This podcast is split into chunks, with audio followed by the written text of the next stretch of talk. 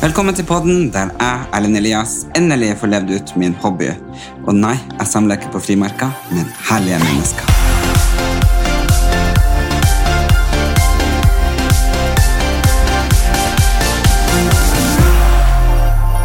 Og i dag er jeg så utrolig heldig å ha med meg venninna mi, som eh, Ja, det var jo ikke sagt at jeg kunne kalle henne venninne, men etter mange år og mange hyggelige stunder, så føler jeg at jeg får lov å kalle henne min gode venninne. Selveste Guri Skanke! God. Så hyggelig at jeg får lov til å komme, min gode venn Erlend Elias. Ja, eh, jeg syns jo det er kjempehyggelig å ha deg her, og det er jo det er jo ikke gitt at eh, vi plutselig skulle bli venner. Nei, det, det, det kan du absolutt si. Men jeg har en litt sånn Jeg, jeg, jeg er veldig begeistret for folk som, eh, som tør å være seg selv og liksom eh, Ja, ikke putter seg selv inn i disse boksene som vi gjerne gjør. Så Ja. jeg har alltid liksom likt sånne folk, og du er jo en av de. Tusen takk. Ja. Så nå, ja. Nei, man har jo alltid blitt kalt en fargeklatt og fram og tilbake. Det er jo Ja. Det har vi jo prata litt om, det der med å Sånn som kanskje litt sånn utrolig merkelig, men at man kan kjenne seg igjen i hverandre. Eh, sånn som En av de første samtalene vi hadde, at vi ble så slitne av å være på fest. Ja. Eh, fordi vi satt rundt et bord, og det var ikke jeg som hosta festen, eller du som hosta festen. Vi snakker sånn Hvis vi var invitert på en fest. Ja. Og det var litt sånn stillhet, eller kanskje litt ja. Litt sånn pinlig. Ja, så Mm. føler man at man må underholde. Ja. Holde i gang. Holde i gang, rett og og ja, ja. slett. ja. Og, og, og det var liksom For det, det, det var liksom første gang jeg tenkte Å, det er jo akkurat når du fortalte det, så var det bare sånn Shit, det er akkurat sånn som jeg har det. Ja. Og jeg blir jo så sliten av det. Ja, blir så For sliten jeg av det. bestandig ønsker bare kunne være sånn mørk og mystisk og sette ned Ja, i ja, bare hjørnet. sitte sånn bare litt sånn og ikke si noe, ja. Virke veldig klok. Veldig klok. Istedenfor å prate sånn frenetisk. Ja. du vet, han Pappa sa jo bestandig til meg at uh, den som er mest intelligent, det er den som observerer. Ja, men ikke sant? Ja. Ja, men det er jo den eh, men, ikke sant? Av og til kan det være skummelt å begynne å prate, for da blir du avslørt, ikke sant? Ja, Og det blir jo vi hele tiden. ja hele tiden. Jeg har prøvd så mange ganger. Ja. Men nei, det går ikke. Nei. Jeg har begynt på mange forskjellige skoler og jobba frem og tilbake og tenkt her er det ingen som kjenner meg. Ja. Nå begynner jeg på nytt. Nå begynner jeg på nytt. Ja. Og så går det nøyaktig tre minutter. Ja. Ba, ba, ba,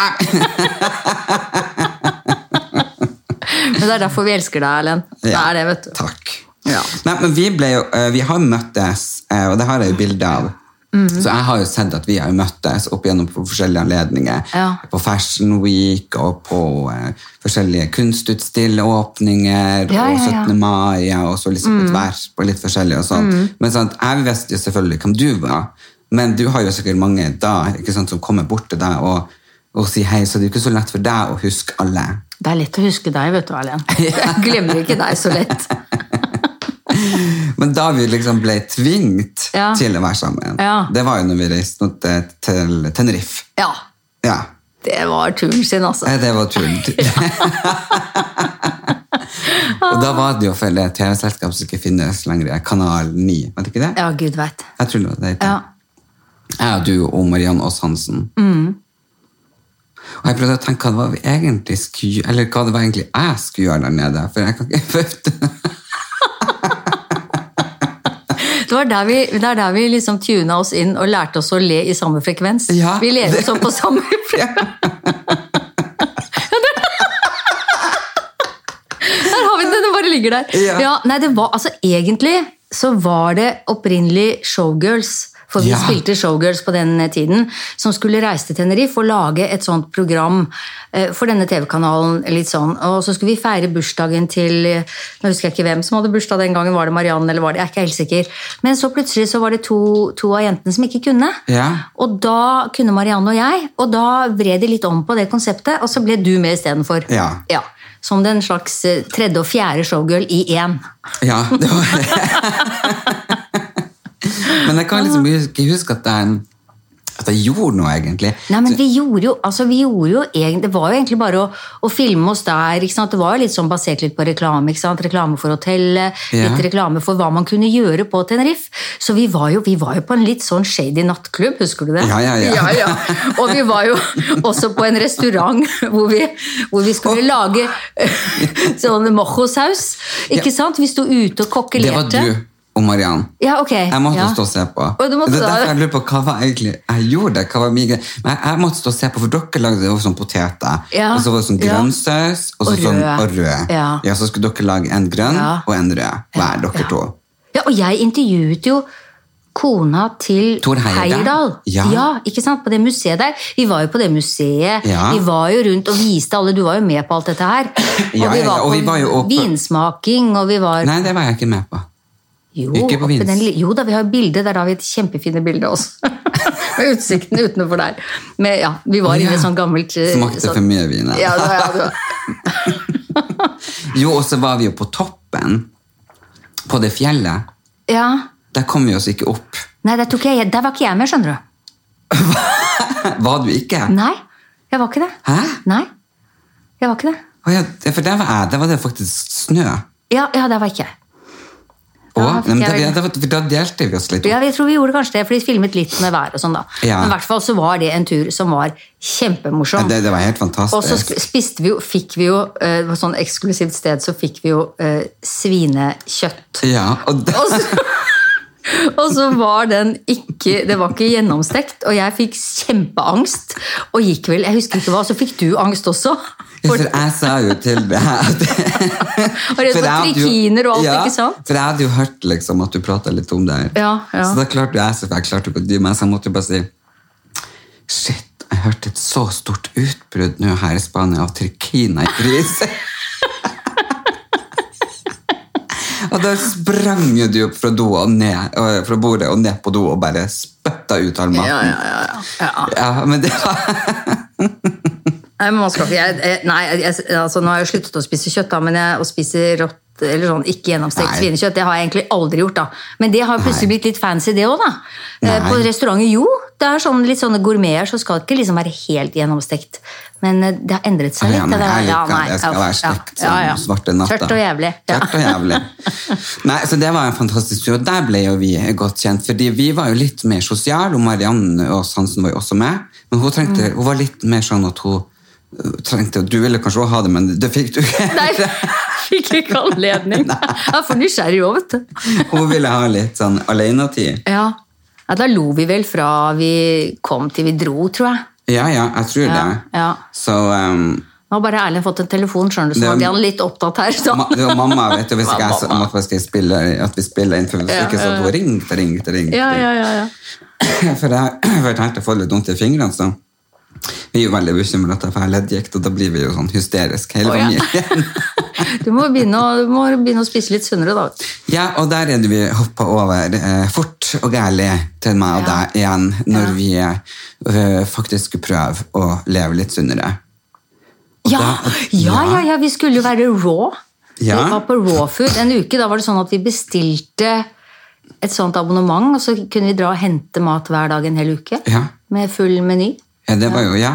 Ja. Jeg var jo med, men eh, jeg holdt jo ikke ut så lenge som Nei, deg. nei, du, du gjorde faktisk ikke det. Nei. Nei, Nei, altså jeg gjorde det, men, men da var nok ikke jeg liksom helt sånn klar uh, for det. For da er det jo ofte sånn som det blir når man liksom plutselig hopper over på raw food, når man spiser helt eh, vanlig mat egentlig.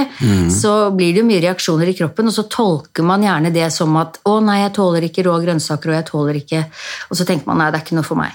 Og så kjører man på med alt det kokte og, og kjøtt og fisk og alt dette her. Ja. Mm. For du er jo en sensitiv dame. Og det skal vi snakke mer om, men nå skal vi gå helt tilbake til hvem er hun Guri Annika Skanke. Uh. Når er du født? 14.12.61. 1961. 1961. Forrige århundre. Ja. Ja, ja. da betyr det jo at eh, du har jo en rund dag snart. Ja, om et år. Ja. Ja. Hvordan føler du det? Nei, altså det er, eh, det er jo ganske Det er jo ganske rart, egentlig, da. Eh, det er noe med at du er over på en måte den hvor du tenker at nei, jeg blir ikke gammel. Altså, du er jo liksom, Lenge så tenker man jo ikke så mye på det. Og så plutselig går det opp for deg at ok, jeg har bikka over på den sida nå. Så nå er det liksom Man skal gå den veien, rett og slett. da. Det er eh, Ja. Ja.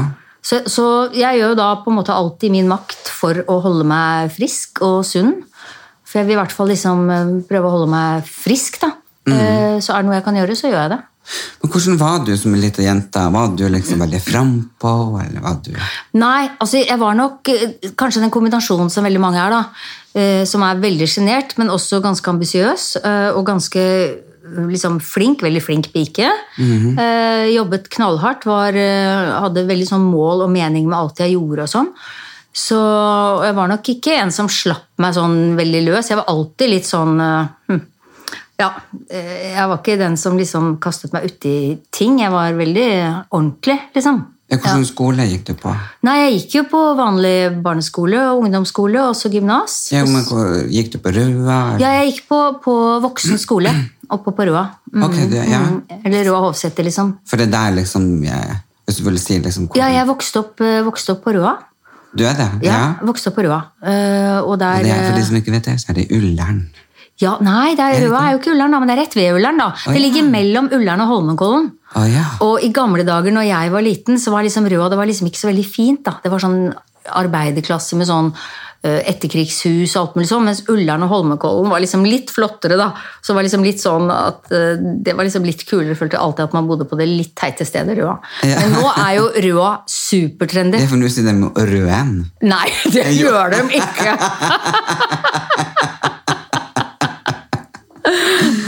Nei, men det er jo fint nok, vil jeg jo si. Det er veldig fint, og det er blitt et veldig fint sånn senter der, med masse butikker og veldig sånn hyggelig område. Ja. Det er det, som Mamma bor der enda, i barndomshjemmet mitt, og broren min og svigerinnen min med deres to barn. Så vi har liksom barndomshjemmet enda. Men ja, hvordan var det liksom når du var på barne- og ungdomsskolen? Hvem du var da kontra de andre du gikk med på skolen? Jeg var nok hun som var litt liten og gråt lett, og så hadde jeg en- en bestevenninne som var mye på en måte kraftigere og mer robust enn meg. Og vi var liksom, Hun bodde rett over veien, så jeg hadde gått ut og inn av det huset i, siden jeg var to år. Og de kalte meg femtebarn i familien, for de var fire døtre, så jeg var der til frokost og middag og lunsj og på hytter og i sommerferie og alt. Eh, Og hun passet på meg. Ja, Har du kontakt med henne i dag? hun døde dessverre for tre år siden. Det er helt grusomt. Eh, jo, ja, helt forferdelig.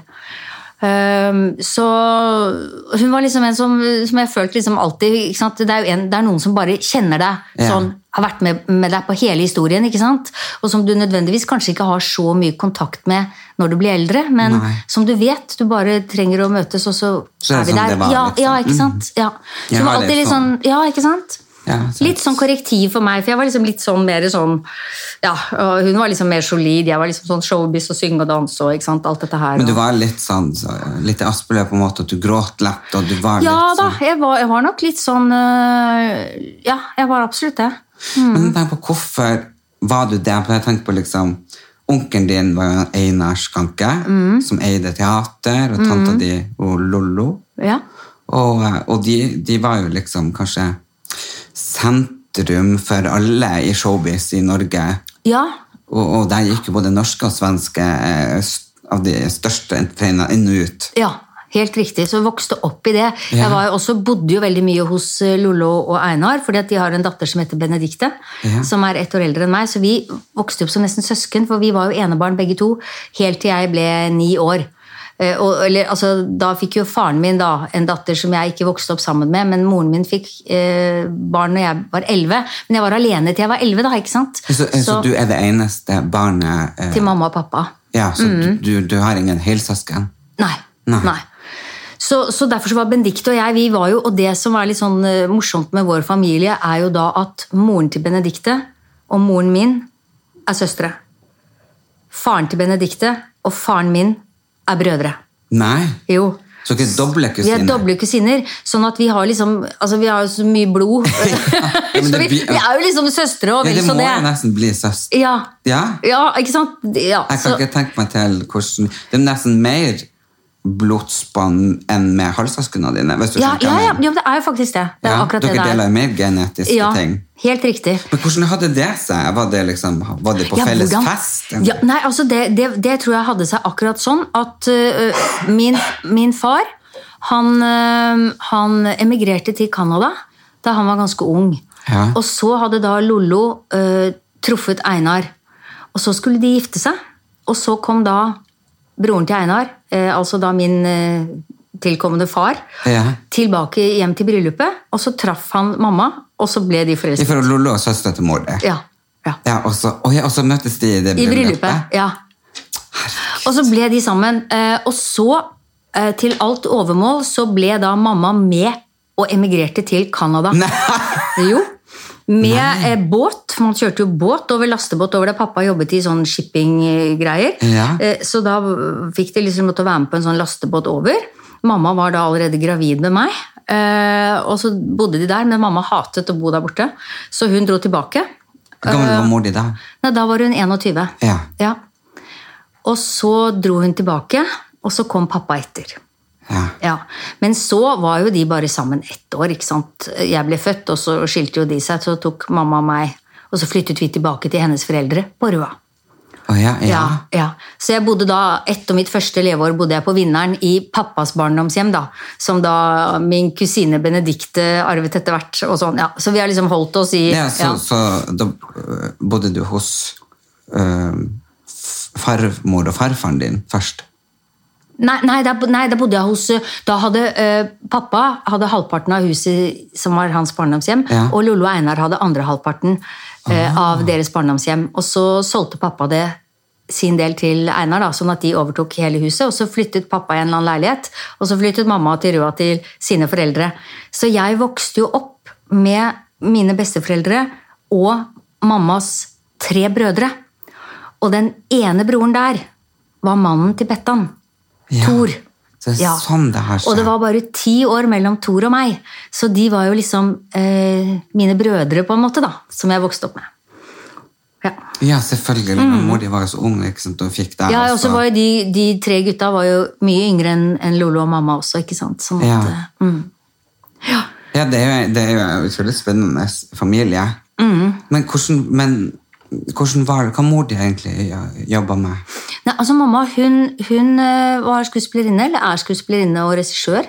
Så hun jobbet på Nationaltheatret da hun var, eh, da hun var ganske ung. Eller når, hun, når jeg var liten, så jobbet hun der Ja. som skuespiller. Og så etter hvert så jobbet hun veldig mye på Klubbsju. Ja. Sammen med Sossen Krogh. Nei. Og de lagde masse kabareter og show der. Og hun lagde altså en kabaret som heter Stem på havet. Med Jannicke Jarlum, husker du henne? Kjipe, Ja. ja, kjipe mennesker. Ja, kjipe kjip. Ja. Ja. Svake mennesker. Svake mennesker, svake mennesker. Med henne i hovedrollen sammen med Sossen Krogh og, og, og en til. Og den fikk altså fantastiske kritikker, så mamma har liksom jobbet ganske mye sånn alternativt. Med på Klubbsju der nede. Og jeg husker jo da var jeg sånn ungdom, og jeg syntes bare det var så grusomt nede på Klubbsju. Det var altså så Der satt de og drakk øl på dagen med barna rundt benet. Jeg bare syntes det var helt forferdelig. Ja, For de som ikke vet hva Klubb 7 var. ja, Klubbsju var en, en, en, en eh, musikklubb i Oslo. En veldig sånn legendarisk, eh, hvor alle musikere har spilt. Ja. Og, og litt sånn frika, ikke sant? Den gangen. Det var jo ikke noe uh, altså, ja, det var, det var litt sånn frikete. Og jeg var absolutt ikke frikete, for jeg var sossete. Da jeg Du var var, det? ja, jeg var soss. Eh, Men mamma var jo liksom ikke, hun var ikke en av de som hang der og satt der og drakk øl. Hun var ikke det, hun jobbet der. Ja. Uh, og hun hadde jo to små barn hjemme og sånn etter hvert også. ikke sant? Sånn at, uh, men jeg husker at jeg syns det var liksom ja. Men etter hvert så har jeg sunget der selv, og syns jo det er ganske kult. Ja, uh... for hos Sossen Krog hun var vel det, litt frikete? Det kan ja, si. den gangen der, det, det var første gangen jeg så sort neglelakk. Det var Sossen Krog, og det var på, altså da snakker vi tidlig 70-tallet. ikke sant? Eh, Det var ingen som hadde det, men hun hadde jo vært mye i Paris, og, og jeg syntes det var bare helt grusomt. Tenk å ha sort neglelakk, at det gikk an. Og nå er jo det liksom helt mainstream, ikke sant? Du, du går jo med det hele tiden, du. Så, og Sossen var jo liksom en veldig alternativ og spesiell person, ikke sant? Ja, Eh, for, for dere som lurer, så er det hun som spilte Anker, eh, Astrid Anker Hansen og Til Cæsar i alle år. Ja, helt riktig. Men, men ja, for hun, for, hvis folk forbinder jo de som vokste opp nå og, og sånn forbinder hun mest med hun, Hotell Cæsar, Hotel Cæsar. ja. Mm. Og hun var jo alt annet enn den hun spilte der. Ja, ja, ja. Det var liksom, jeg var jo heldig og fikk møte henne en del ganger, Ja. og det var jo rakke motsetninger. Ja, ja, ja. Eh, Fargerik, ikke sant? Her har vi enda en fargerik person. Ikke sant? Ja. Eh, og mamma var en god venninne av Sossen også. Eh, og jeg var også med i en sånn forestilling som mamma lagde med, med Sossen. Og mamma hadde jo til og med nå altså Mamma blir 81 år nå.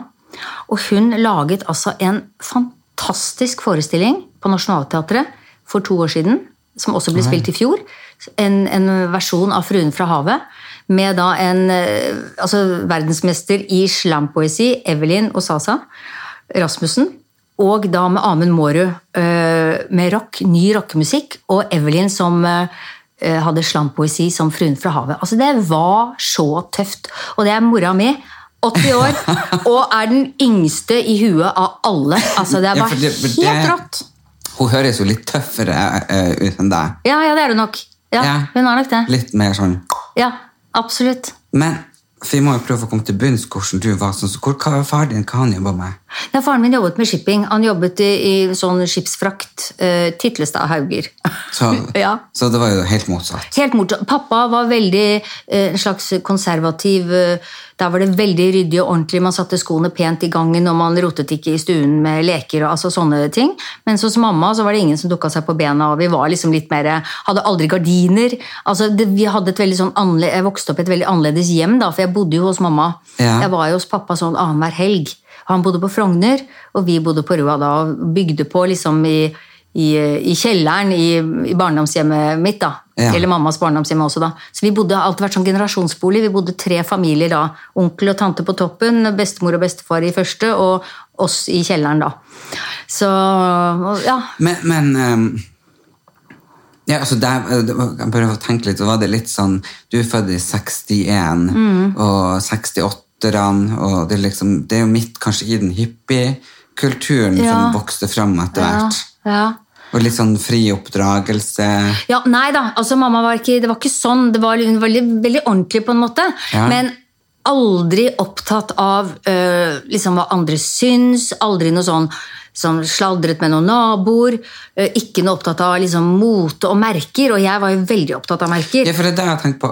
Hvordan kunne du ha blitt så opptatt av For du er jo veldig redd for litt eh, Veldig redd for kanskje litt? Nei, du er jo veldig redd for eh, hva naboene skal si. Du syns jo det er ubehagelig. Ja, altså i hvert fall så har jeg vært det veldig. Ja. Ikke sant? Eller naboen, eller hva kritikere, eller hva Ja. publikum, eller altså, ikke sant? alt dette her. For dette, man Ja, er jo så... andre, andre folk. Ja, og man, ikke sant? men det, det henger jo også selvfølgelig litt sammen med at Men det ligger nok der fra bunnen av også. Men også, det har bare blitt forsterket av det at du er nødt til å bli likt for at du skal få jobb. ikke sant også? Eh, Så veldig liksom hva alle syns. For du kan liksom ikke bare stå hjemme alene og gjøre, være skuespiller, på en måte. Du, noen må jo liksom gidde å høre på deg, eller se på deg.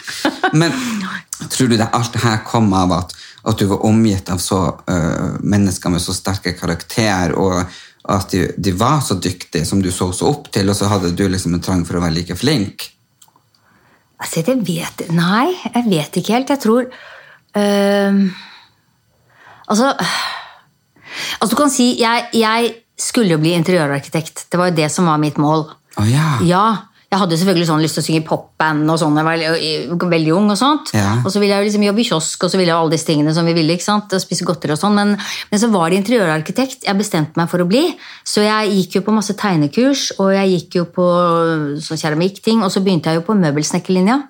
På kunst- og håndverksskolen. Ja. Jeg gikk der, og så søkte jeg på kunst- og håndverksskolen, og så kom jeg inn der, eh, på interiørlinje der. Så jeg gikk jo der i halvannet år. Eh, Men så begynte jeg å fly på audition og sånn, da, vet du, fordi at eh, jeg ville jo gjerne liksom synge, og jeg ville jo gjerne danse, jeg, men så turte jeg ikke helt. Og jeg, jeg hadde jo vært med i Russerevyen, var første gang jeg sto på en scene. Var det på Nissen, eller hvor det var du gikk? Nei, jeg gikk på Fagerborg. Fagerborg, Ja, og det, ja. jeg gikk på naturfaglinja, så det var liksom ikke noe Nei. Jo, jo, absolutt. Og så var det jo masse revyer på Fagerborg, men jeg meldte meg aldri på det. Jeg Nei. var forferdelig sjenert. Syntes det var drita flaut å høre min egen stemme. ikke sant? Men så av en eller annen grunn så gikk jeg på audition på Russerevyen. Men ble du oppfordra av alle de her sterke karakterene som drev på i bransjen? Nei, absolutt ikke. Nei, nei, nei, absolutt ikke. Eh, og jeg tenkte kanskje at jeg skulle ikke bli det, for jeg visste at det var vanskelig også. ikke sant? Og, og så jo også mamma som jobbet, og det var ikke så lett ikke sant? Uh, å være i den bransjen. Det, det vet jeg jo. Uh, og så var det jo Lollo Einar selvfølgelig som hadde sitt, sitt univers som var liksom, gikk veldig bra, og som jeg syntes var veldig veldig spennende. Det var jo kjempestas. ikke sant? Og da, da, var det ja, det som du sa, det var liksom Elisabeth Grandemann og Dag Frøland og Benny Borg og Kirsti Sparbo og, og Lillebabs og alle sammen var jo inn og ut av det huset. Så jeg, ble, jo, jeg ble jo veldig liksom tent av det, da. Ja. Uh, pluss at jeg var veldig opptatt av jazzmusikk, som Einar også var. Uh, så han inspirerte meg litt til det. Men uh, ja, så, så, jeg begynte jo da å gå på auditions da, fordi at jeg følte liksom jeg hadde lyst til å prøve. Men det var russerevyen jeg snakket om. For det snakket ja. om. Ja. Nå er det noen som spiller musikk i bilen utenfor her, men jeg vet ikke hva du syns om det. Gjør det nå? Er det bare litt sånn koselig bakgrunnsmusikk? ja. Det, er, det er jo egentlig litt, litt, sånn Det er litt, litt sånn groovy. Ja. urbant. urbant er på Lilleaker. Ja. eller, eller. jo, uh, jo Russelvin, så fikk jeg jobb der av en eller annen grunn som danser.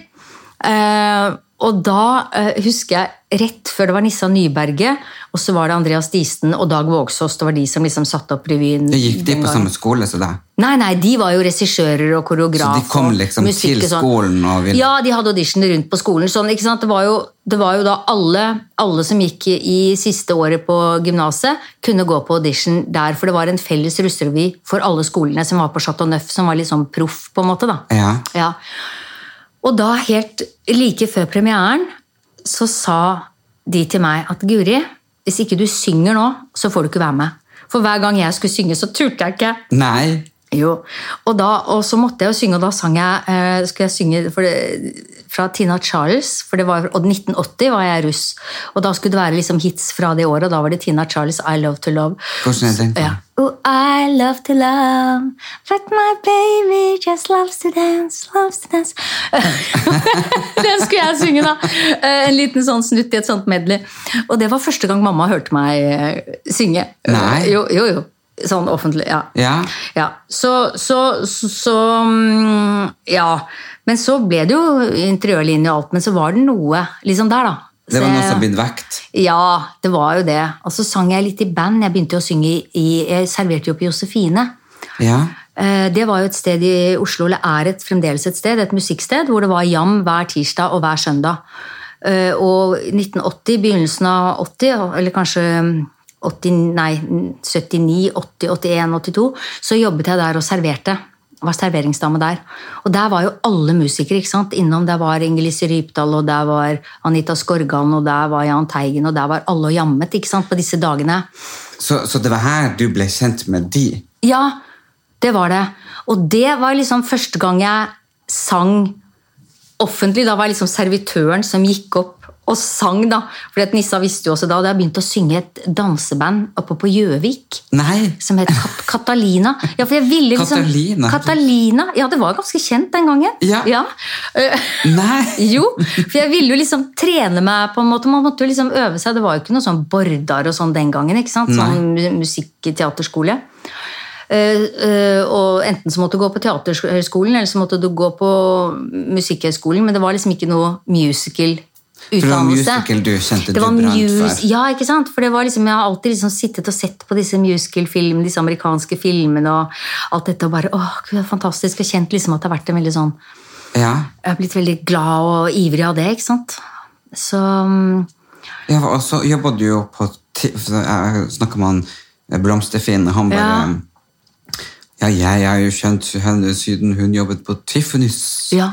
Ja, Det var slutten av 70-tallet, begynnelsen av 80-tallet. det også, Så jeg jobbet både på Tiffany og på Josefine, pluss at jeg hadde 100 andre jobber. ikke sant? For sånn var det jo. Eller... For Tiffany's, det, det var, plass hvem gikk der? Ja, på Tiffany, det var jo da øh, en, en, gammel venn av meg da, som hadde vært i Statene og sett det som het salatbar.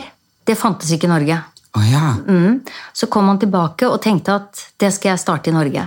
Og det var da i Skåveien i Oslo. Eh, så startet han da eh, Tiffany Salatbar. Og, der, eh, og jeg var med på åpningen, og jeg tegnet til og med, for jeg gikk jo på Kunsthåndverksskolen, så jeg tegnet jo da til og med liksom sånn på serviettene perspektivtegning av fasaden på bygget og alt dette her, så jeg liksom var med på hele det prosjektet. Og hadde litt oppskrifter og litt ting allerede da. Nå har jeg jo Guri kjøkken, men jeg begynte jo allerede da, i 1980, med det. Eh, og sto der hver morgen og hakket salater som en gal, ikke sant? for alt var jo ordentlig og håndlaget. Ja. Og sånne kjempekoselige sånne eh, røffe keramikkboller, og det var litt sånne røffe lokaler, og det var ganske sånn tøft. Det originale varte jo veldig lenge, for det Ja. har jo jeg til og med fått oppleve. Ja. Før det ble kjøpt opp, og nå er asiatisk der. Nei, nå er det ikke asiatisk. Nå er det, nå er det faktisk eh, faren til Marius eh, Borg. Å ja, Ja. hva er det han driver der? Nei, han, han, nei, det er, jeg er litt usikker på akkurat konseptet der nå, men det er mat og drikke, på en Å, måte. Ja, ja. Nei, ja, men i hvert fall det originale Tiffany's, det, Ja. Det var jo såpass lenge at jeg fikk oppleve det når jeg flyttet hit. Og det var jo fersk salat, og det var jo, ja. og det var jo da folk som satt der, som hadde vært der siden det åpna. Ja, og de sitter vel der enda i og for seg, noen, noen av de. Men, og da ikke sant, inn på musical. eh, Ja, jeg må bare si akkurat angående Finn sjøl. Ja. For da sto jeg der om morgenen tidlig tidlig og skar opp salat, og så kom han nedover Skåveien med favnen full av kvist og rask og rusk som han hadde vært i skogen og, og, og, og sanket inn, som han skulle ha i blomsterbutikken som han jobbet i nede i Frognerveien. Har du fått korona, eller, Erlend? Nei da, jeg har bare en liten hoste.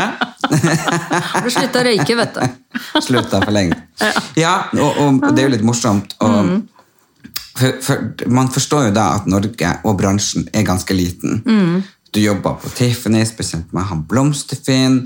Du var på Josefine, og der var jo Inger-Lise Rypdal og Jahn Teigen. Og, og, og, og kona var Anita.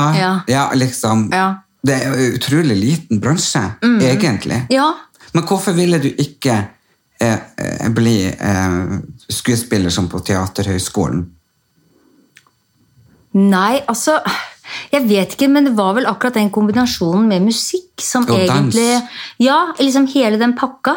Som jeg liksom ble ordentlig sånn eh, Som jeg kjente liksom drev meg liksom litt. Ja, for du, du, eh, jeg tenker at du har jo vært ganske sånn bare nå bare uh, springer litt i, i tankene og drømmene, men jeg føler jo at du har vært litt drømmende og tenkende, litt sånn alternativ, fordi du fortalte jo om ei eh, dame som du satte så enormt stort pris på, som du gikk i, i lære hos. Retka guy. Ja, men, ja, men det var jo da min jazzinteresse, ikke sant? Ja, yes, ikke Ja, sant? og jeg sang jo til og med i et sånt eh, et band som het Freddy and the Footsteps, med Freddy Dahl, eh, også på 80-tallet. eh, som også var liksom alle disse jazzklubbene rundt i byen.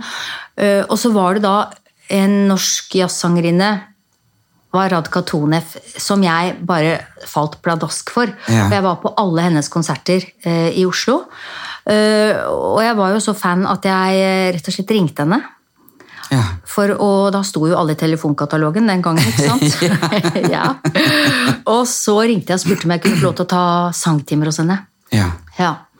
Og så sa hun at det pleide hun ikke å gjøre, hun tok ikke sangelever. Men hun syntes nok kanskje at jeg var såpass freidig og at det var litt sånn ålreit at hun sa ok, du kan få lov til å komme. Så jeg dro hjem til henne på loftet i Oscars gate, hvor hun bodde, og eh, sa at eh, jeg vil bli jazzsangerinne, sa jeg. ja, for, for jazz Ja.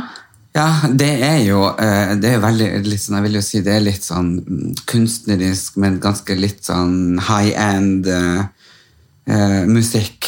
Det er jo litt sånn eminent. Ja, er det, ja, ikke sant? det er jo begge deler. da, for Mange vil nok si at det kanskje er litt rufsete. Ja. Eh, og så er det kanskje, Men, men det er jo kanskje det er jo forskjellige grener innenfor jazzen også. Og selvfølgelig alle typer folk som liker jazz også. Alt fra high end Ja, jeg, til jeg, det rufsete. litt, jeg føler det er litt sånn kultivert. Ok, For det er mange som vil si at det er liksom litt bule, røykfylt bule og en ø, halvliter. Ja. Eh, så der, der tror jeg det er litt sånn forskjellig oppfattelse. Ja, men blues og jazz. Og Ja, det er litt ja, ja, sånn, ja, ja. ja. For meg Ja. så føles det sånn. Ja, ja, ja. Men jeg vil jo mer over til det der som jeg syns gøy. Danseband på Gjøvik. Det, det Asbjørn på Gjøvik, ja. ja. ikke sant? For det- Katalina. Katalina. For mens jeg gikk hos Radka, da, så, så, så sang jeg jo med Katalina, og vi, og vi var jo da til og med på nor norgesturné. Buss rundt i hele Norge. eh, og sang da. Og da var Hvilken hit hadde dere? Hæ? Hvilken hit hadde dere? Nei, vi sang jo, det var jo bare coverlåter. Man sang jo alt fra, fra Michael Jackson til Donna Summer til Diane Warwick og alt mulig. ikke sant? Jeg sang jo alle disse her eh, sangene da. Ja. Eh, Men så, så satt jeg jo liksom i bussen og øvde på, På jazz. på jazz, ikke sant? Ja. ja. Oh, men hun gikk bort. Hun, ja, hun døde veldig tidlig, var 30 år gammel eller noe. Så i 19, var det 84 eller 83, ja. Eh, Var ikke det ganske sånn ganske dramatisk. Hun ble jo funnet eh, ikke sant, ute på bygda der, og det var en helt Ja. grusom historie. Mm. Jeg har lest om det. Så hun, eh, hun var meget spesielt, og jeg har jo liksom alltid hatt en litt sånn hang til det litt melankolske òg, vet du. det. Det er vel det ordet jeg leter etter Ja, lenge. ja. Men ja. at du er litt sånn melankolsk. Ja. Ja. Jeg, er liksom, jeg har liksom begge deler, for jeg er jo veldig glad i det liksom veldig sånn humørfylte og sånn showgirls-aktig, men jeg er også Ja. veldig glad i det melankolske. Så du kan si jeg hadde vært med i masse, masse show og masse farser og, og sånt noe, og så da når jeg fikk lov til å være med i Le Miserable, så følte jeg litt sånn Oi, nå er jeg litt sånn hjemme. Ja. Eh, I liksom det litt triste. Ja. For det er et, et, litt over 30 år siden.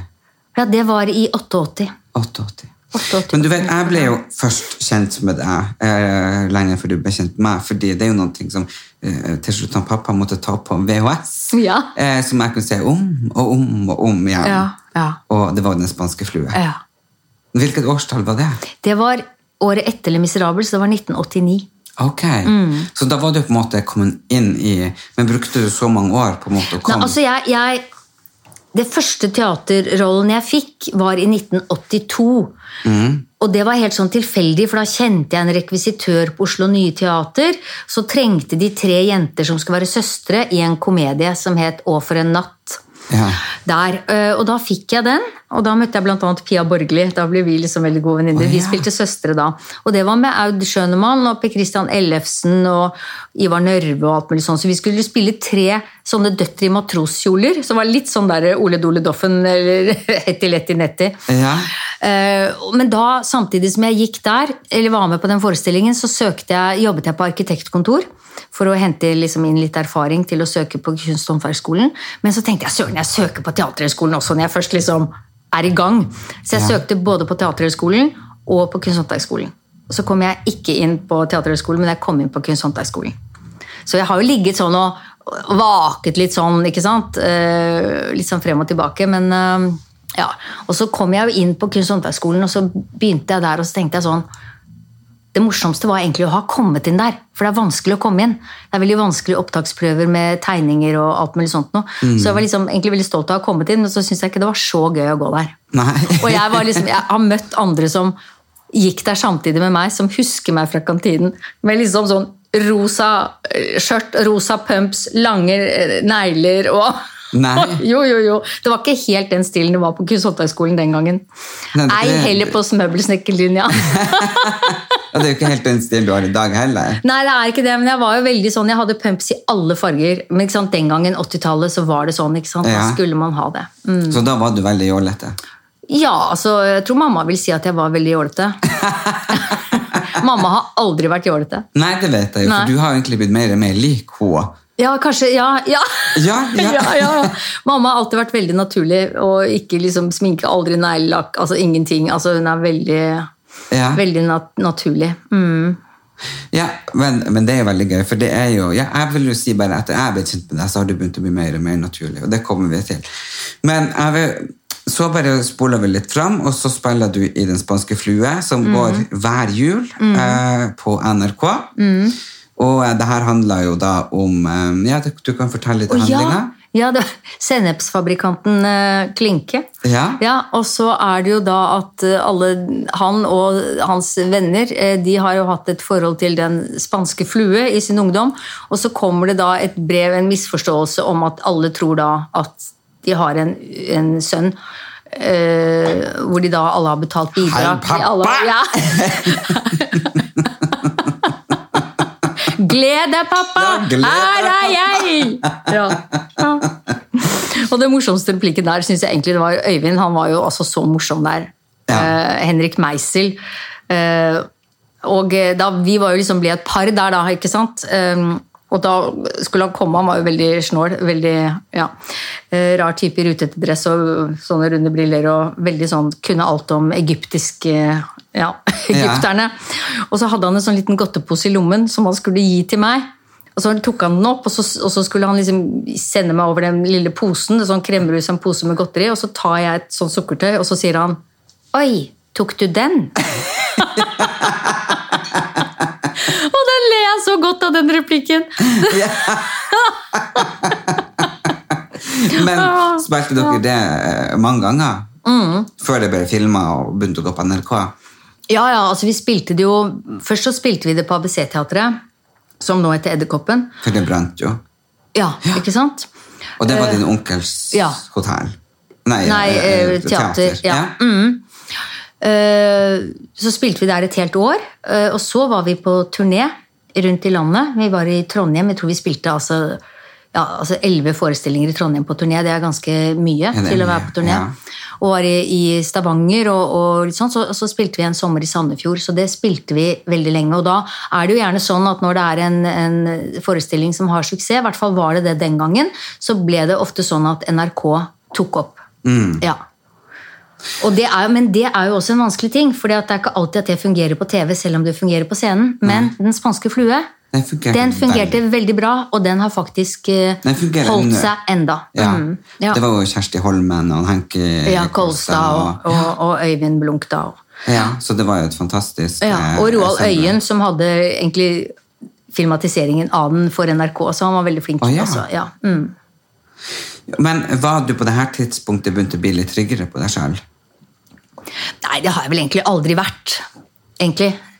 Nei. Er jo ikke det nå heller, i og for seg. Men, men du spilte jo da mot han Øyvind Blunk, Ja. og ble dere kjærester da? Var dere Nei, vi var kjærester da. Dere var kjærester? Ja, ja, ja. For dette her var jo altså, Dette her var jo i 89. Og eh, Øyvind og jeg ble jo sammen i 84. Å ja. Ja. Så var du 23 år? Ja. Ja. Var han din første ordentlige kjæreste? Ja. Så vi var sammen i 25 år. Ja. Mm. Så du har ikke vært sammen med noen kjendiser før det? Nei. jeg var ikke sammen med noen særlig. Egentlig, jeg, jeg tror ikke jeg hadde draget. Jeg vet ikke hva det var. Men eh, nei, var, det var liksom ikke Nei. Ja, men også, Hvordan møttes dere? nei, vi møttes på teatret. Ja? Ja.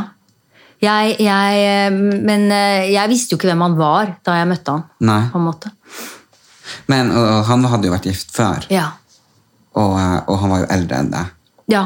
Hvor mye? Elleve år. Elleve år. Mm. Og så var dere sammen i 25 år. Og han var jo veldig Jeg tenker liksom Hvordan var det egentlig å være deg oppi Fordi hele Ja, i veldig, veldig mange, mange år så var jo han på en måte gift med Hege hjem. Å ja! ja, men du kan si Før det begynte, det samarbeidet der, så jobbet jo Øyvind og jeg veldig mye sammen. da. Ja. Så du kan si at han har spilt både faren min og kjæresten min og spilt alt mulig rart. I Miserabel spilte han jo faren min. Så, ja, han var den der òg. Ja, ja, ja. ja. Så, og, så vi har jo spilt, og vi spilte jo sammen i, i, i Annie Get Your Gun, og vi har jo spilt masse farser og komedier og sånt også, så vi har jo spilt mye sammen.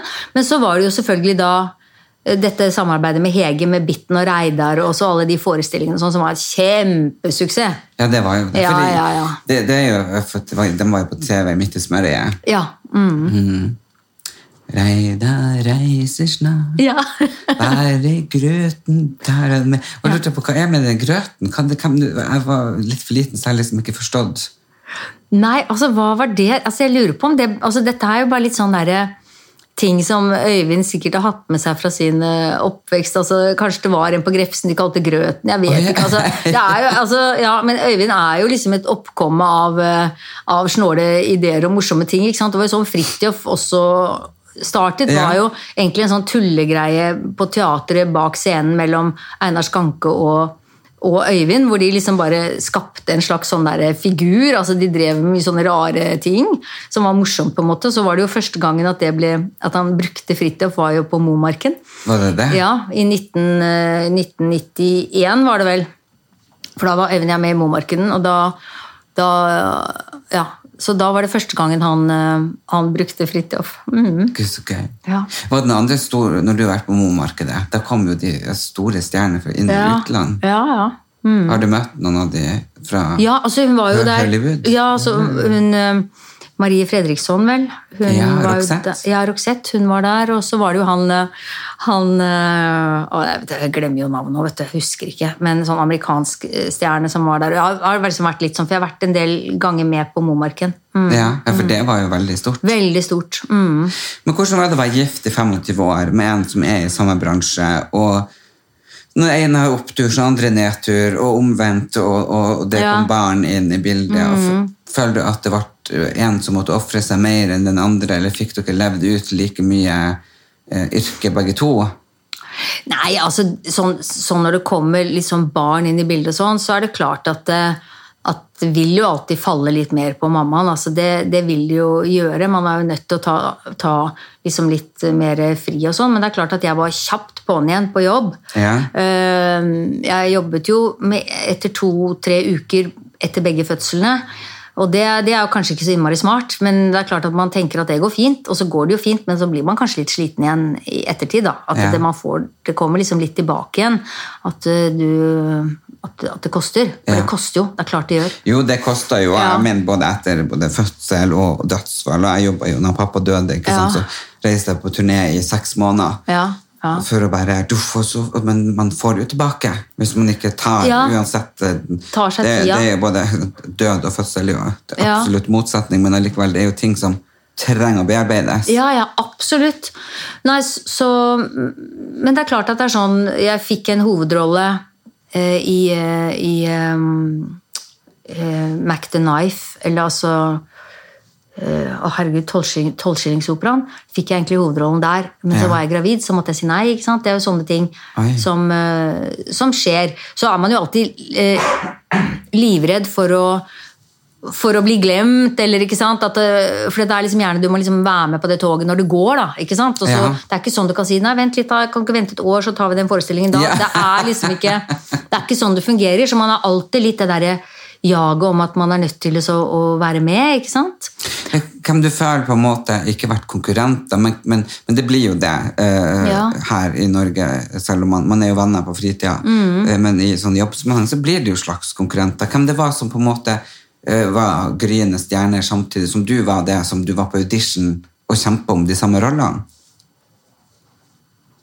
Uh... Hvis man skal kunne trekke slutning til, til eh, hvem som var i bildet akkurat når du var i bildet. Altså, det var, det var sånn Da jeg begynte, så var det ikke så mange som drev med akkurat det samme som meg eh, akkurat da. Nei. Sånn at, eh, at akkurat Nei, for du sånn skjønner sånn at Jeg har også prøvd å finne ut av det, og jeg klarer liksom ikke se for meg så mange musikalstjerner eller som vil det og gjør det. Nei, det var klart, altså i, i, i Le Miserable og sånn, så var det så var det veldig mange på audition der. Eh, og det var også en litt sånn rar ting, fordi da, da fikk alle beskjed om at jeg hadde fått jobb. Eh, men, og, så, og så var det sånn, da ringte man det hjem på fasttelefonen, Ja. og da bodde jeg sammen med Øyvind på, på Bislett. Og da kom jeg hjem, og så hadde Øyvind fått jobb, og så sa han at Norske Teatret har ringt til deg. Og så ringte jeg tilbake til Norske Teatret, og så sa de å nei, det var, det var ingenting likevel. Og så, og så var sånn, jøsse navn, ok. Og så fikk jeg liksom ikke eh, beskjed om at jeg fikk den jobben. Og så, Men jeg, jeg har jo vært ganske tøff, jeg òg, skjønner du, selv om jeg er litt sånn, har grått litt når jeg var liten. altså Lett for å gråte og sånn, men jeg er ganske tøff òg. Så jeg ga meg jo ikke. Nei. Og sa at jeg vil gjerne ok, jeg vil gjerne prøve å synge igjen. Uh, og sånn, og Jeg øvde igjen uh, masse mer, og så kom jeg på ny audition. Og alt mulig sånn. Og så vet jeg at de prøvde mange i mellomtiden. Ja. Og så til slutt så fikk jeg den uh, da. Og så, når vi hadde første liksom, prøvedagen, da kom jo disse Dette var jo engelskmennene som hadde satt opp originalforestillingen i London. Han Førsteoppsetningen. ehm, Det, det var jo The Royal Shakespeare Company yeah. som hadde satt opp. John kom. Caird hadde John satt Caird. opp den. Ja, og så var det da hele dette gjengen der borte. De kom over og hadde audition her. ikke sant? Og så, og da fikk jeg beskjed om at jeg ikke fikk den. ikke sant? Og så var jeg da på audition senere for norsket for Egil Monn Iversen og, og sånn da, og så fikk jeg den til slutt. Men når de da kom, dette teamet fra England og skulle begynne prøvene Ja. på Norske Teatret, så fortalte jeg det at jeg, jeg fikk den ikke og sånn What? Så sa de bare at nei, men du fikk den da vi var der. Nei. Jo. Så da hadde du på en måte gått trodd at du ikke fikk den. Ja, ja, men, jeg, ja ikke sant? men så, hadde, så var det de på Norske Teatret som hadde sagt sånn Vent litt, jeg er ikke sikker på Guri. Så var det de som hadde stoppet det på Norske Teatret. Fordi de tenkte at jeg kanskje ikke hadde guts nok. grunnlaget For de så sikkert på meg som en sånn jåledokke eller et eller annet sånt, noe sånn vellykket som var liksom i- sammen med Øyvind, og som jeg hadde hølte sko og liksom, hadde vært med i revy og alt mulig sånn, at kanskje ikke jeg hadde tyngden til å spille Eponin, som jeg Ja. da uh, var på audition for. Hva Men- det fikk deg til å føle? Nei, det, det fikk jeg jo vite etterpå, men, eh, så, så, men, men det er jo liksom litt sånn sku hunden på hårene-aktig. Men de, Ja. de vet jo ikke hvordan liv jeg har hatt. altså Selv om man pynter seg Nei, og, ja. og, og sånn, så, så, så kan man jo absolutt ha kjent på ganske mye forskjellige ting i sitt liv. Ja, og det, det kan jeg virkelig ta to streker under. Ja, ja. Ja, for det er mange som tenker det samme om, om meg. Ja, ja, ikke sant? Så de tenker vel at jeg hadde hatt det for lett i livet kanskje til å kunne liksom gjøre en sånn rolle, da. Jeg vet ikke. men, men, det, men det forstår jeg egentlig. Du har vokst opp med de, de som har størst navn i Norge. Så gifta du deg med Øyvind Blunk, ikke sant? Ja, ja. Og så har du etternavnet, skankenavnet, Ja, som er så kjent. Så det kan jo være lett. Men allikevel eh, så må jo det, det må gjøre noe med deg. Enten at du kanskje får mer drive, eller ikke sant? Ja, ja, så jeg har jo alltid hatt en voldsom sånn drive, det har jeg. Ja. Men selvfølgelig har jeg også vært veldig mye sånn eh, deppa og blitt syket meg ned og sånn også, men jeg har jo hatt en sånn overordnet drive hele veien, det har jeg altså. Og da var det jo enda på. morsommere da jeg fikk en kritikk i Sverige, i svenske, eller Svenska Dagbladet, eller gud vet hva det var, A Miserabel, hvor det sto, de ante jo ikke hvem jeg var, hadde jo ikke noe forhold til meg, Nei. og skrev at hun er en som kan stå og fylle hele scenen alene. Og du vet, da var det litt sånn Kan du lese her, Egil Iversen? Så det var absolutt For jeg har jo tenkt liksom eh, Sånn som når både sånn programlederjobber og andre casting og bla, bla, bla, så har jeg hørt at, at jeg blir jo veldig ofte nevnt og kasta navnet til, og så får de tilbakemelding Nei, han har ikke tyngde nok, han er for fjåsete, han Ja. er for tullete, han er for gæren, han er for ditten, han er for datten. Ja. Og, og for dem vet jo ikke hva som bor inni meg. Nei. Det er jo veldig sårt. Og det, det er jo det. Ja. For, og, og, så det kan jeg tenke på en del. Men at det var sånn allerede da, når du var med Det her er jo 30 år siden. Mm, ja, men det var jo da Det var jo liksom da det kanskje var at jeg var mest liksom eh, med på alt mulig, kanskje, og midt i liksom Jo, men at bransjen var allerede da sånn.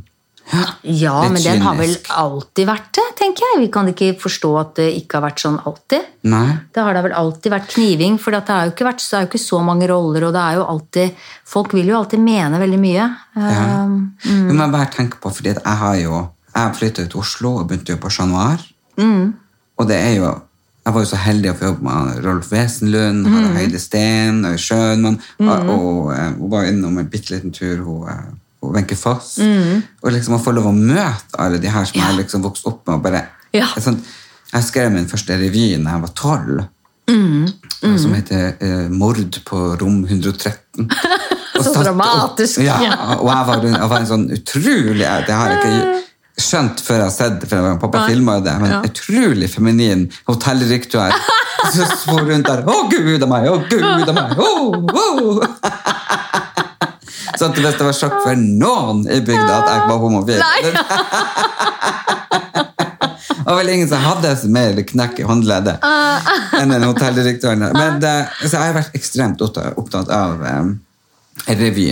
ja. Og jeg tenker liksom Du har fått lov å vokse opp med alle de revystjernene. ja. Det har på en måte vært helt magisk. Ja, ikke sant? Absolutt, men sant? du tenker jo ikke på det på en måte når man er midt oppi det sånn når det er liksom sånn Men var det vi, og så er det. vi? Ja, altså jeg var vel Jeg var nok det, men jeg var ikke noe sånn eh, teaterrotte som liksom alltid var der og ville være der hele tiden. Og sånn. Nei. Jeg var ikke sånn. Jeg var nok ikke det. Sånn som hun eh, som flytta til eh, Stord. Hun er Elisabeth Granemann? Ja. ja. Hun har liksom synes jeg har vært veldig fascinert av ja, ja. ja. Men, men det er jo klart når man hører historier om hvem de var, Mm. og så har Rolf Wesenlund, som jeg har vært ekstremt fascinert Mm, av da jeg vokste opp, og så jobber med han, så får man jo se det er jo et vanlig menneske. og Ja, ja, ja. Kanskje det ikke er så hyggelig menneske som du har sett at det Ja, ja, ja, ja ikke sant? Da, Det kan jo alltid skje Ja. med alle. Ha dårlige dager og alt dette her. Ja, og da tenker Mm. jeg liksom at da, da, det er kanskje når man har vokst opp med det og sett det på fester og på, til middag og, og, og ikke sant, så Det normaliserer seg jo litt. ja, Ja. så at man kanskje ikke da får den driven. Kanskje derfor du ikke gikk inn på revy. At du gikk på en annen jeg vet ikke. Nei, nei, det tror jeg ikke hadde noe med saken å gjøre. i og for seg. Jeg har jo vært med mye på revy, men så, så, er, det jo, så er det jo på en måte sånn at jeg, jeg har jo heller aldri vært sett på som komisk, en komisk skuespiller. ikke sant? Nei, så det var liksom Men skulle du ønske det, eller er du glad? for Ja, altså Jeg husker jo da når jeg var med i Spanske flue, så tenkte jeg sånn Å, alle har så morsomme roller, og jeg er bare sånn, sånn søt, bare sånn pen pike. Og tenkte jeg, å, gud, skulle ønske jeg kunne være litt morsom. og sånn, ikke sant? Så jeg syns jo liksom at den rollen min var liksom litt sånn pinlig, eller litt sånn, ja, det var vel bare en litt sånn teit rolle. Men så i ettertid, kanskje sånn 20-25 år etterpå, så jeg skjønte at det er veldig mange som syns at det var en veldig fin rolle. Mens jeg tenkte jo bare at den var litt sånn sånn Ja ja, det var jo bare en rolle som man måtte liksom fylle Husker du stykket med. latteren? Ikke min? Latteren til hun som du spilte? Nei, jeg hadde ikke noe spesiell latter, Jo, jeg. litt sånn søt. Litt sånn, ja, å ja, ja, ja, sånn Jeg ungpikelatter som satt i den huska. Og, Ja, ja, ja, ja. Farvel, min vakre due. Ja. Nei, det er fantastisk. stykke. Så, folkens, Hvis dere ikke har sett det, så må dere se det. Det er så Nei, så, finnes. så, så det er klart at jeg var jo med i en, en del revyer i begynnelsen, men, men da jeg hadde ikke de liksom den det mest altså, komiske rollene. Det var mer den sangen og mer liksom sånne, sånne ting. Så det var vel kanskje ikke at jeg var liksom ikke da en som de kanskje tenkte var hun som var liksom komidronningen som skulle være med i, i revy. Sånn sett, da. Nei. Så mm, Men du kunne jo lett blitt det, tenker Ja, egentlig, men, men det tror jeg nok kanskje at jeg var for eh, sjenert til. Eller for Jeg visste liksom ikke helt uh, Var for redd for å prøve. Og jeg husker jo også med replikker og alt mulig sånn at jeg, jeg var jo med i, i Annie Get Your Gun, blant annet. Da var det jo Kjersti Holmen og, og Øyvind og sånn, og de er jo så drevne, ikke sant? Ja. Og de, husker liksom, de driver med sitt, og de bare holder på med sitt uten at de er redd for hva andre skal synes. Men jeg var hele tiden så redd for hva andre skulle synes. Og hvis jeg begynte å si en replikk, så kan jeg tenke sånn Å, gud a meg, den hørtes teit ut. Så bare stopper jeg meg selv, og så trekker jeg meg. ikke sant? Istedenfor at jeg bare Spiller slipper du ut. og bare spiller det ut. ikke sant? Og så spilte jeg ikke ut før kanskje på premieren, omtrent. ikke sant? Hvor jeg måtte. Da måtte jeg jo. Ja, ja. Så holdt jeg igjen og holdt igjen, for jeg liksom var liksom litt sånn, for det satt noen i salen kanskje og fulgte med under prøvene eller et eller annet. Så jeg har vært veldig sånn, og jeg har alltid beundret disse her som har kommet. Jeg husker jeg jobbet med Kåre Conradi på Reisen til julestjernen, hvor jeg skulle spille Sonja, han skulle spille den greve, onde greven. Og Da kom jo han rett fra Teaterhøgskolen og hadde jo egentlig ikke liksom jobbet så mye. Men han var ikke redd for noe, vet du. Bare inn og bare feide rundt og bare prøvde på masse forskjellige ting, mens jeg var mer sånn Sto der og bare sa replikkene mine sånn riktig, ikke sant? Ja. Så Men når man snakker om det å være redd for ting, Mm. så har jo uh, du vært veldig mye redd. Eh, Mm-hmm. og du fortalte meg jo en gang om, eh, som en historie man kan le av nå, håper jeg. Men når du og han Øyvind og barna eh, var på Gran Canaria Ja! ja. Jeg bare hm, Er jeg stolt av den? Skammer jeg meg over den, kanskje? Ja, kanskje litt. Men, men er det ikke veldig sånn moderne nå også stå frem med skammen sin? Jo. Det er veldig trendy om dagen. Nei, altså, det var jo, eh, det var jo sånn at jeg eh, Jeg eh, gikk jo hos en healer. ja, og da må man jo si at du gikk jo ikke bare her én gang. Du Nei, gikk der jo i elleve år. Nei, jeg gikk der vel i kanskje 16 år. 16 år. Ja. Ja. Men, men det skal sies at jeg har hatt veldig mye glede av, for der lærte jeg å trene qigong. Ja. Energitrening, og det er en fantastisk teknikk som jeg bruker hver dag enda. Du gjør det? Ja, Ja. og jeg begynte der uh, i 1992. Ja. Ja. Fordi at jeg var sliten, og at jeg hadde utslett i ansiktet, og ingen fant ut av det. Og alt dette her. Ja. Og så kom jeg dit, og han fant ut av hva det var, og jeg ble kvitt det, og ble bra. Og så brukte jeg disse teknikkene. Ja. Men, men, men det var 1992, ja. For det, og det var jo Hvordan var det? Alternativet er jo fortsatt nesten litt tabu. ja, Den gangen trodde alle jeg var gal. ja, for jeg, det ja, at jeg gikk hos en healer. Ja, og Ja. der er jo eh, eh, Kan det være så Det har du hørt, si? Ja. og da du satt og, sammen med Hololo Ja, ja. og så dro ut onde ånder av kjøttet og brukte en sånn spesiell eh, teknikk. Ja, det var vel ikke akkurat onde ånder, men man skulle liksom Hvis jeg på en måte holdt på, og brukte energien altså alle, Alt er jo energi, så det, det, det tror jo jeg på, og det, sånn er det nok. Men i hvert fall så brukte jeg liksom da mine hender på det, altså mat generelt, ikke bare kjøtt, men vin og alt mulig. Og bare liksom holdt på det og sendte liksom energi, sånn at den energien skulle liksom eh, stemme bedre med min energi, sånn at jeg skulle fordøye det bedre. Ja. Så det skulle liksom harmoni, harmonisere mer med meg, da, på en måte, og min energi. Sånn, ja, sånn at man Ja.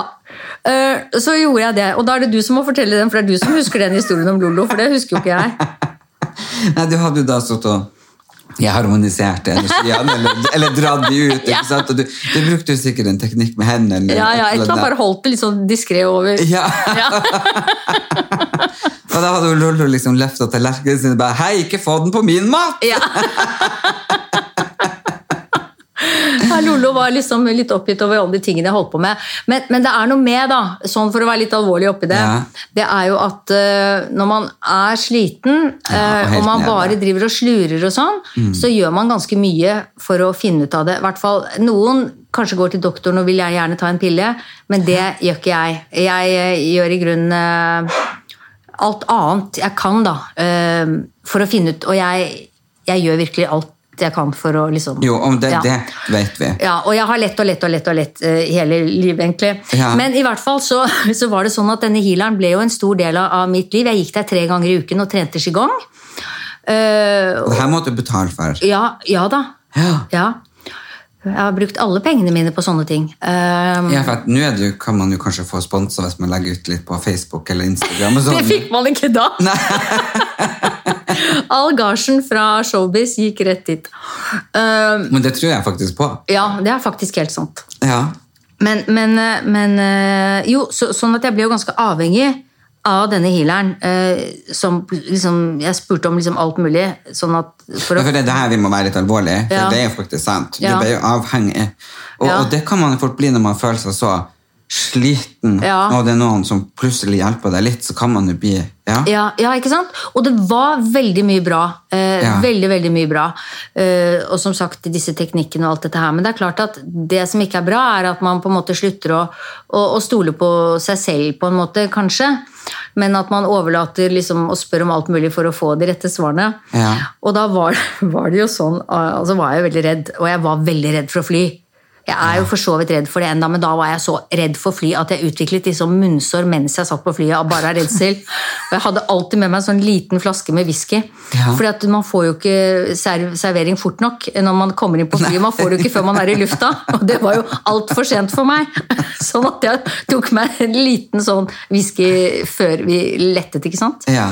Um, og da eh, var vi på Kanariøyene. Eh, da hadde vi da Edvard som var liten, bare et par-tre år. Ja. Eh, og så skulle vi hjem. Og så hadde jeg fått et anrop på telefonen. Ja. Og så, eh, på Hadde du iPhone? Nei, hadde Nei. du mobil? Ja, jeg hadde mobil da. Dette var jo i 94 eller noe sånt, Ja. og da var det vel kommet en eller annen sliten mobil. ikke sant? Ja. Eh, og da, men, så, så, men så var det sånn at når du var i utlandet, så kom du ikke inn på mobilsvar, for du måtte ha en kode for å komme inn. Ja, ikke sant? Så jeg fikk ikke lese av den beskjeden. Nei. Nei. Og så ringte jeg til han healeren, og så sa jeg du, har du ringt meg? Uh, for jeg plutselig bare lurte på om det var noe, for da var jeg liksom redd for at det var et eller annet. da. At Ja. han skulle liksom advare meg. for noe eller noe sånt. Og så sa han nei. nei, for jeg bare lurte på kanskje vi skal fly hjem i morgen. Og sånn, og så bare sånn, ja, ja, ja, men hvis jeg var deg, så ville jeg ikke tatt det flyet. Og jeg bare Hva er det du sier? Du kan ikke si sånn til meg! Nei. Og så sa han ja, ja, nei, altså du, du kan jo ta det, uh, på en måte, men da må du liksom ordne litt med sånn og sånn. Men jeg ville jo kanskje Ja, ok, ja liksom litt sånn. Og jeg, vet du, tok Edvard Lille Edvard Øyvind var jo bare, når jeg sa det til Øyvind, han bare himlet med øynene og bare trodde ikke han hørte riktig. ikke sant? Uh, Ja. for, for jeg skulle da prøve å få nye billetter og bytte fly. Så jeg tok med meg Edvard under armen, og dette var kvelden før vi skulle reise. På Kanariøyene. Løp rundt på øya der for å prøve å finne et flykontor og kjøpe noen billetter. Og ringte på noen dører, og jeg fant ingenting. Eh, og så til slutt så, så eh, Morgenen etter da, så, jeg, så kunne man få kjøpe direkte på flyplassen. Så vi dro tidlig på flyplassen, og så var det sånn at du måtte betale cash. Så jeg måtte løpe i en minibank. da, Vi hadde så jævlig dårlig tid. For da var de, de to flyene de gikk da bare med en halvtimes mellomrom. ikke sant? Ja. Og jeg løp ned til den minibanken og tok ut mistet solbrill- solbrillene mine på veien, som jeg aldri så igjen. Og jeg bare Du, du, bare, du bare sprang fra solbrillene? Ja, ja, ja, jeg hadde ikke tid til å tenke på det. Og fikk ut de pengene og slang de på disken, og vi kom oss på det der flyet. Ja. Og så fløy vi hjem. Uh, på det flyet. Og så kom vi på Gardermoen, og så hadde vi bilen da i garasjen der, tror jeg. Og så, og så, og så sa jeg til Øyvind Du, nå, nå står vi her under rullebanen, og så venter vi, og så ser vi om det andre flyet lander. Og så kom det andre flyet og landet. Og så sa jeg Øyvind det hadde jo vært det optimale nå hadde jo vært at det flyet krasjet under landing på oss!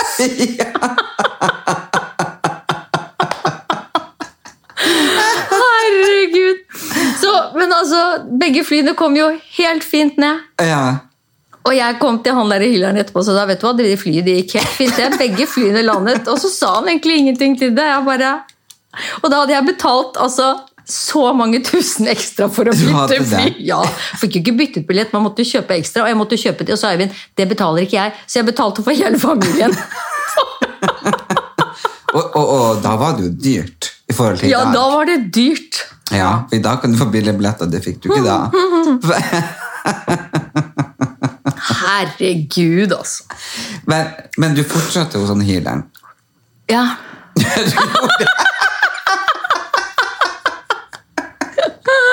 Men altså, han var veldig flink. Ja. Ja, og det var det, altså, det er veldig mange som har gått hos han, øh, og mange som går der enda også. Øh, så, men, men det er klart at øh, så, så for meg Jeg sluttet vel der i 2006. ja. Ja. Så, så det er klart at da det var jo liksom, Da måtte man på en måte liksom finne litt tilbake til seg selv og stole på sin egen energi. Og alt mulig sånn, og det er jo selvfølgelig en veldig bra ting. Ja. Det var nok veldig, veldig bra for meg. Ja, men, men du har jo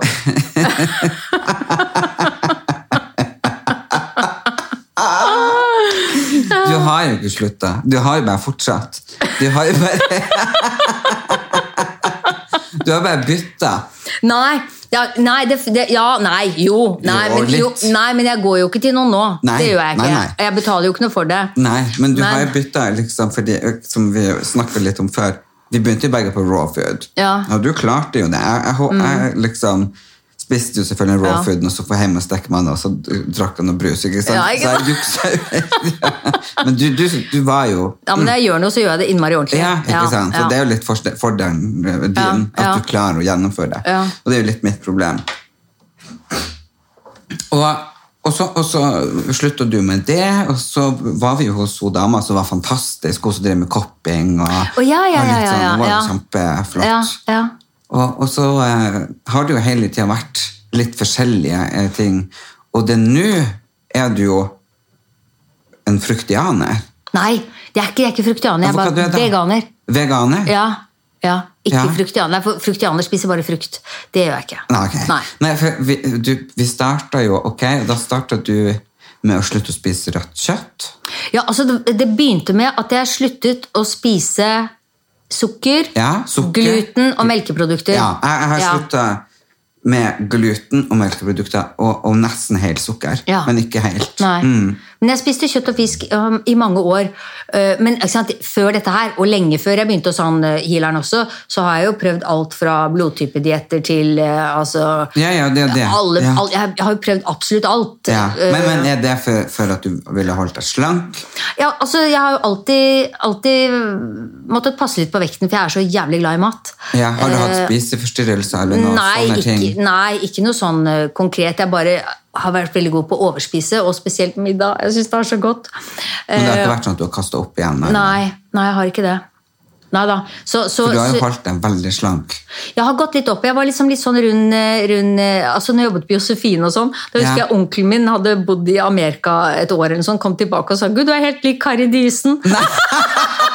Syns jeg lignet på Kari Dysen! Og Kari Dysen var jo en revyartist som var ganske rund, kan du si. Ja, det men, var ja, så jeg var litt sånn rund i sånn 18-19-årsalderen, men så, så har jeg stort sett vært tynn. Men jeg har liksom alltid måttet trene mye Jeg har liksom tenkt at jeg trener mye for å kunne spise. Ja. Ja, men, det, men så lenge jeg har kjent deg, eh, Ja. og lenge uh, før vi kjente hverandre, men jeg kjente til deg, så har jeg jo vært på masse fester og sammen med deg, men jeg har aldri sett deg berusa eller Nei. noen ting. Du har jo vært veldig nøktern og Ja. ordentlig. Ja, vært veldig nøysom. Men, jeg, men ikke sant, jeg har Jeg har aldri sett deg rava rundt. Nei, Jeg vet nei, når, gang, når sist var du full? Nei, det kan jeg ikke huske. Det har kanskje vært to ganger i mitt liv. eller noe sånt. Ikke sant. Ja. Men, men, det, men det er eh, der har du kanskje, Det er både en fordel, men også en ulempe. og det er At jeg ikke klarer helt å leve helt i øyeblikket. ikke sant? At jeg slipper meg løs. At jeg alltid tenker på morgendagen. Ja. At jeg, jeg har hatt så mange dager hvor jeg har vært så mye sliten at jeg, jeg gidder ikke å, å gjøre meg sliten selv. Hvis jeg ikke må. Ja. Altså, så Derfor så har jeg ikke drukket noe særlig. Og det er også noe med at du skal synge hver kveld. at du skal ha, altså Det å, å gå på jobb og være fyllesyk eller være sliten, det er bare så vondt. Det er, har det er utrolig vondt. Men, Ja. men samtidig så tror jeg jo man går glipp av Fordi jeg har jo øh, i perioder så har jeg jo festa masse, og så akkurat sånn som deg, så bare vet du hva, er det vits? Jeg Mm. blir så sliten, ødelegger en hel uke. Skjønner du? Mm. Jeg bare sånn, jeg for, noen, noen kan jo bare ha én dag, de bare oh, spise litt junk, ikke sant? Men Ja. jeg først så er jeg fyllesyk. Ja. Og så kommer fyllenervene. Ja. Og så blir jeg fysisk dårlig pga. nervene. Og så blir, ikke sant? Så det Mm. Ja. tar ei uke. Ja, men ikke sant, det gjør det. Og det er jo også noe med at jeg syns liksom aldri at en fest eller selskap er egentlig noe vits i etter man har spist middag, egentlig. altså. Nei, men, Eh. samtidig så, så går man jo glipp av For det, det, det har jeg jo sagt, noe med de beste. Eh, vi hadde det jo du, Da drakk du jo litt eh, på eh, si På Tenerife? På Tenerife. På Filippinene. ja, da da Ja. var det jo gøy. Da, Ja, men jeg, jeg har, likte veldig godt å ta meg et glass med Prosecco eller Cava. eller noe. Ja. Det syns jeg eh, var veldig godt. Så da hadde vi det gøy, da dansa vi og Ja, ja, og sånne ting. Men jeg, jeg tror også at veldig mange sånn fine samtaler og, og morsomme bekjentskap og sånn får man jo etter midnatt. Jeg tror egentlig nesten ikke det. altså. Det tror du ikke? Nei, jeg synes det er så mye altså, Jeg er veldig dårlig til å håndtere folk som har drukket. da. For jeg på synes grunn de av samtalene Ja, men jeg syns liksom samtalene blir så Jeg Det er vet sikkert ikke. bare fordi jeg er på samme eh, sekvens som dem, da. Frekvens, ja. Frekvens som dem. ja. Har har du det bra? Ja, har du det bra? Ja, men hva får du ut av det? Nei, Jeg liker liksom å sitte rundt et bord og spise og så ha gode Og- og samtaler. samt- på en måte ja. da, Så kan man drikke og bli litt tipsy, på en måte, litt sånn. Men, eh, men nå har jeg sluttet å drikke, da. Men eh, Ja, for det, du har sluttet å drukke òg. ja, jeg har det. Og, og det er jo mange ting du har uh, slutta med. Men, men det er jo sånn som fordi vi har jo prata masse og Mm. om Mané og i mente, og både på natt og dag og hele tida. Og, Mm. og vi har jo mye av det samme. Og, og liksom sånn som eh, med øynene. Ja, Ikke sant? Og det renner og blir litt Ja, ja, slørete og sånne ting. Men det er jeg blitt kvitt nå, altså. Og det har du, ikke sant? Og det er det jeg tenker liksom at du har jo hele tiden leita etter noen som kan gjøre deg bedre. Ja. Og for meg som din venn, og som sitter Mm. utenfor og ser på, så virka det jo sånn som vi snakka om at du var skjør og, Mm. og, og, og dårlig og sliten, og sånne ting, så virka du jo mye sterkere nå Mm. enn ja, så lenge jeg har kjent deg, faktisk. Ja, og det, og det er sånn jeg også tenker sånn Gud, nå er det lenge siden jeg har grått. Ja, For men, altså, ja, men ja, det er sånn ja. Det er bare det der eh, Posen og øynene er borte. Ja. Det er liksom mer sånn Ja, det gjør at du er med folk, og du gjør ikke sant? Så bare det at Mm. du starter opp Guris kjøkken, det er jo kult. Ja. Ikke sant? Du har tort å hva? bare Tjoff! Se, jeg har laget, hatt Guri kjøkken i dag som jeg skal legge ut i dag. Så har jeg med meg Jeg tok med en liten smak til deg. Moussaka. Vegansk moussaka. Nei! Jo, men nå er den litt kald, da. Du får ikke lov til å si at du ikke liker den. Nei. Herregud. den er akkurat, det var- det er det jeg stikte, det var derfor jeg kom litt for seint. Men Og det her er ikke søtt, det. det er ikke kjøtt, nei. Ikke kjøtt, ikke melk, ikke egg, ikke hvete, ingenting. Det er hvit saus bare laget på poteter. Og så er det tomatsaus med litt sjampinjong også. Det var helt fantastisk. Ja, og så Og aubergine. Mm. Det var godt. Det var faktisk veldig, veldig deilig. Smakfullt og Mm. deilig. Det var del én med hun Guri Skanke som gjest. Bare klikk til videre, så får du episode to. Og da får du høre mer om Guri Skanke sitt spennende liv. Kjempefint hvis du klikker på abonner og rate meg. Da blir jeg superhappy. Som du sikkert vet fra før, så er det gratis å abonnere på podkast. Så trykk abonner, og gjerne gi meg en rating. Herlige mennesker.